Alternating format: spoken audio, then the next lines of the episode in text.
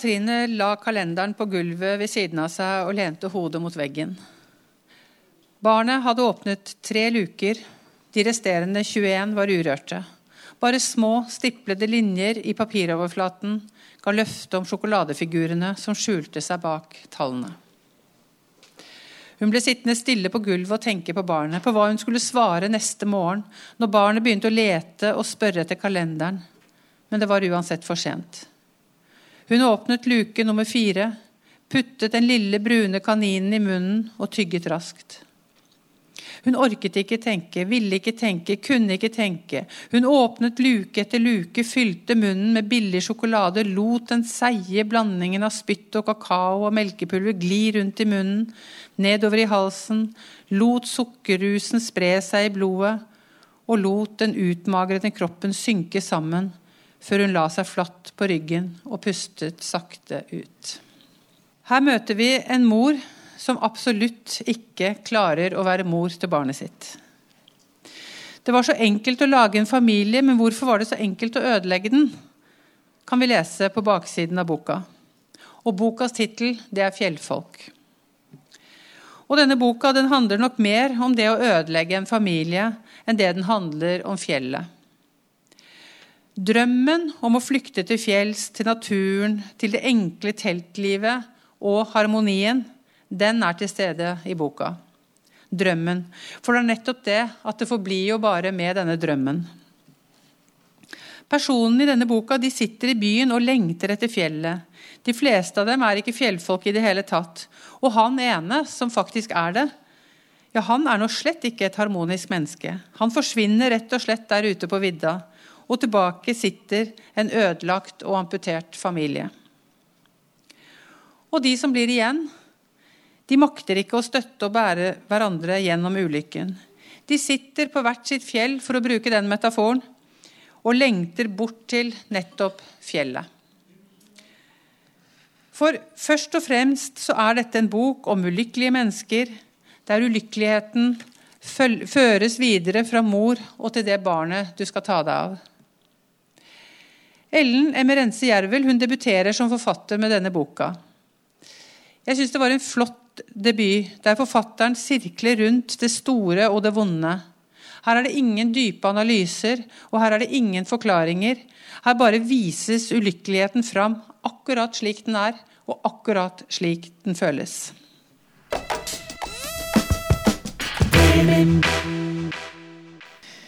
Det er kjipt å være redd, og det er mye å være redd for. Verden er et farlig sted med terroranslag og gærne folk, og hver eneste dag så skjer det forferdelige ting med mange. Og hvordan skal en da beskytte seg sjøl og dem en er glad i, mot sånt? De fleste av oss greier å holde følelsen av fare på avstand sånn til daglig. Vi lever tross alt i et av verdens tryggeste land. Men å holde følelsen av fare på avstand, det greier ikke Jon i Birger Emanuelsen sin roman 'Jeg skal beskytte deg'. Og den han skal beskytte, det er sønnen Andreas på fem år. Men er et i overkant aktivt nervesystem en fordel eller en ulempe når du skal beskytte dem du er glad i? Og siden jeg spør, så gir sikkert svaret seg sjøl. Jon var et engstelig barn, og i voksen alder så har han òg fått seg noen smeller, bl.a. under et opphold i Zimbabwe der han jobba med logistikk for Leger uten grenser. Han har jobba med å lære seg å håndtere denne redselen sin, men spørsmålet er om han har kommet seg i mål. Og nå har han blitt far til en sønn som han ønsker skal bli sterk og selvstendig til han skal ut i den farlige, store verden. Og det høres vel ikke dumt ut? Hvis en syr puter under armene på unger, så blir de jo hjelpeløse, forsvarsløse vesen. Men det er her det begynner å bli ubehagelig. For vi aner at Jon ikke har et godt kompass for hva som er passende forventninger til et barn. Og vi ser at følelsene kanskje står i veien for de gode vurderingene. Dette er ei førstepersonsfortelling, så vi kommer tett på Jon. Han er som sagt en reflektert og idealistisk far, med klare ideer om hva som skal gjøre sønnen hans rusta for verden, men som leser så er det lett å protestere på mange av vurderingene hans. Han problematiserer mye for seg sjøl òg, men følelsene tar ofte overhånd, og problemstillinger rundt tema som vold, sinne, forsvar og beskyttelse tar mye plass. Det er ubehagelig og intenst å være på innsida av en mann med så mye følelser. Men Birger Emanuelsen skriver så godt at det paradoksalt nok er en fornøyelse å få være med på denne destruktive seilasen. Romanen avsluttes med en tur i marka. En fin far-sønn-tur etter modell fra turene han opplevde sjøl som barn. Med telt, soveposer og proviant. Grantrær, fuglesang, bålkos og frisk luft. Borte fra mor, barnehage og andre korrigerende instanser. En skikkelig karakterbyggende tur for to ekte mannfolk. Med åpen rute og tidsplan. Og det må vel bli fint? Dronning Maudland, det er et ubebodd område i Antarktis som kun består av is. Annektert av Norge. Her er det kaldt, og det er dårlig eller nesten ingen vilkår for liv. Og kulde det er også det som preger forholdet mellom de menneskene som vi møter i de fem novellene i denne novellesamlingen til debutant Line Madsen Simenstad, som har tittelen 'Dronning Maud land'. Vi møter bl.a. en datter som sitter ved sin fars, sin fars dødsleie. Og det viser seg å være helt umulig å snakke om de viktige tingene. De har en mulighet, og de nærmer seg jo noe vesentlig når de begynner å snakke om hvilke sanger faren vil ha i begravelsen sin. Men de kommer aldri lenger enn til korte setninger, titler på noen sanger som blir forkastet i tur og orden. Og den eneste sangen som de klarer å enes om, det er ironisk nok 'Hey, that's no way to say goodbye'. Og det er det virkelig ikke.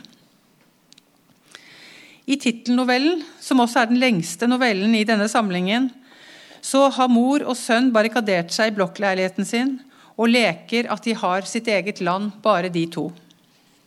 Dronning Maud land kaller de det landet. Kaldt og goldt og uten vilkår for liv.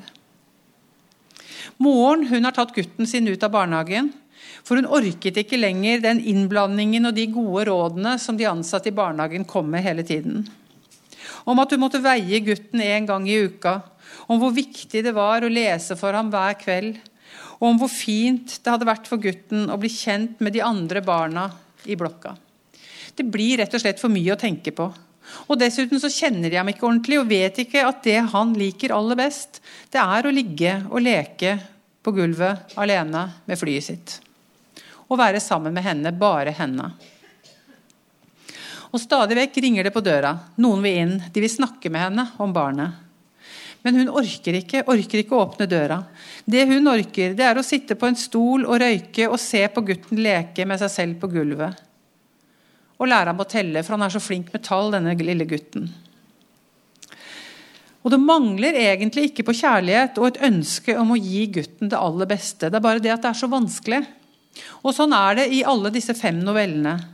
De viser på forskjellige måter hvor vanskelig det er for mennesker å nå fram til hverandre. Far min har nettopp blitt eh, pensjonist nå. Og selv om ikke han ser på seg sjøl som direkte gammel, så legger jeg jo merke til at det er et og annet som har blitt litt mer skremmende for ham på hans litt mer eldre dager. Golvkulde, f.eks. Glatta på vei ned til postkassa. Dimsum.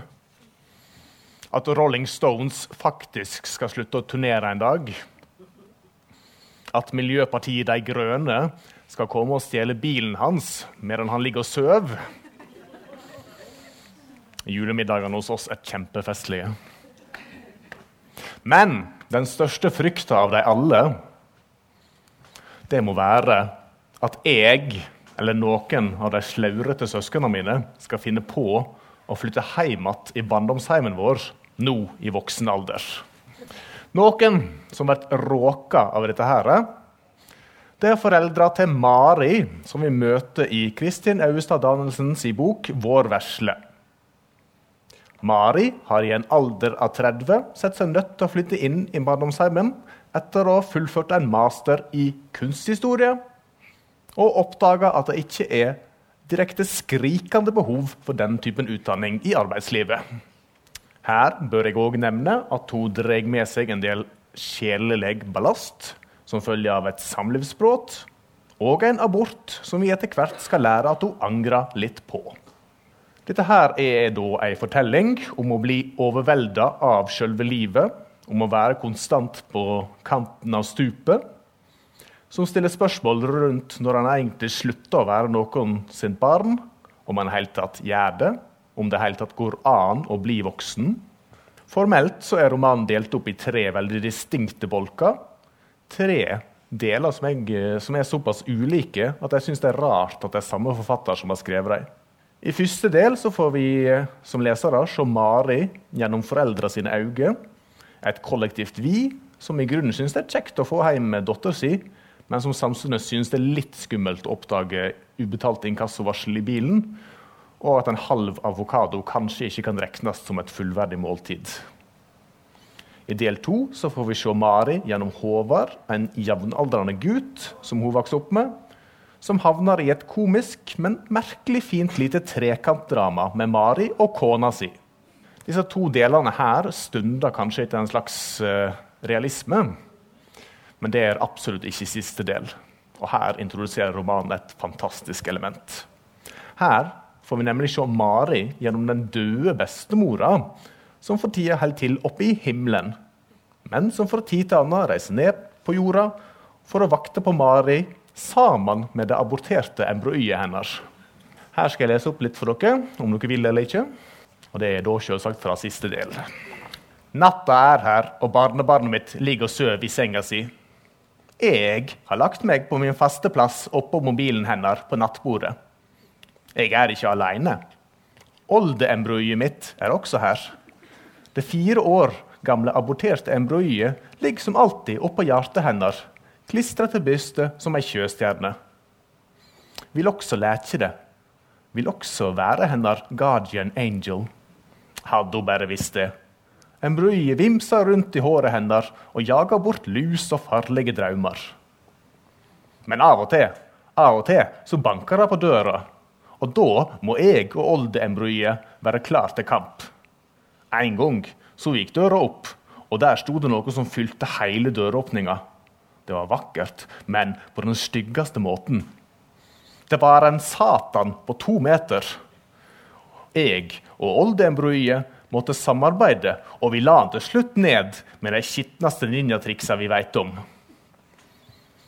Han hissa opp Mari bokstavelig talt noe så inn i helvete. Kjønnsleppene hennes lurte seg ut av trusa og svulma opp, spratt opp og ned som fisk på land. Hun la seg etter demonen som messa sataniske vers av den vakreste sorten for underverda. Mari lå og vridde seg med åpen munn og ulte hun ville ha demonen i seg. Ja, det er sånn eh, demoner holder på. Forfører kvinner som står på kanten av stupet. Jeg har spekulert litt på hva jeg synes var favorittboka mi fra i fjor. Og jeg eh, tror jaggu meg jeg kommer til å gå for den her. Den kombinerer ja, det som jeg vil omtale da, som det Den greier å kombinere det som jeg vil omtale som det dritmorsomme og skittriste på en måte som jeg aldri har vært borti før. Og som dere hørte i opplesninga mi, så er den heller aldri redd for å være spinnvill. Jeg har lyst til å anbefale denne boka til absolutt alle, bortsett fra far min. Han er ikke så veldig glad i grøssere. Det blir radio. Ja, det er mye alvor i denne bolken vi har, siste bolken vi har nå. Det har gått med litt sånne avbrekk som vi har fått nå. Eh, og det er mye trist og vondt i eh, denne boka som kommer nå også. For stort verre enn det det blir nå, Det kan det ikke bli, og tettere på kommer vi heller ikke på det vonde. 'Bakkebyggrenda i revers' var det en anmelder som skrev om denne boka. For mens barna i Bakkebyggrenda er sterke og livskraftige barn fordi de har gode, trygge voksne rundt seg, så er Katarin i denne boka sterk og livskraftig på tross av at hun overhodet ikke har gode, trygge voksne rundt seg.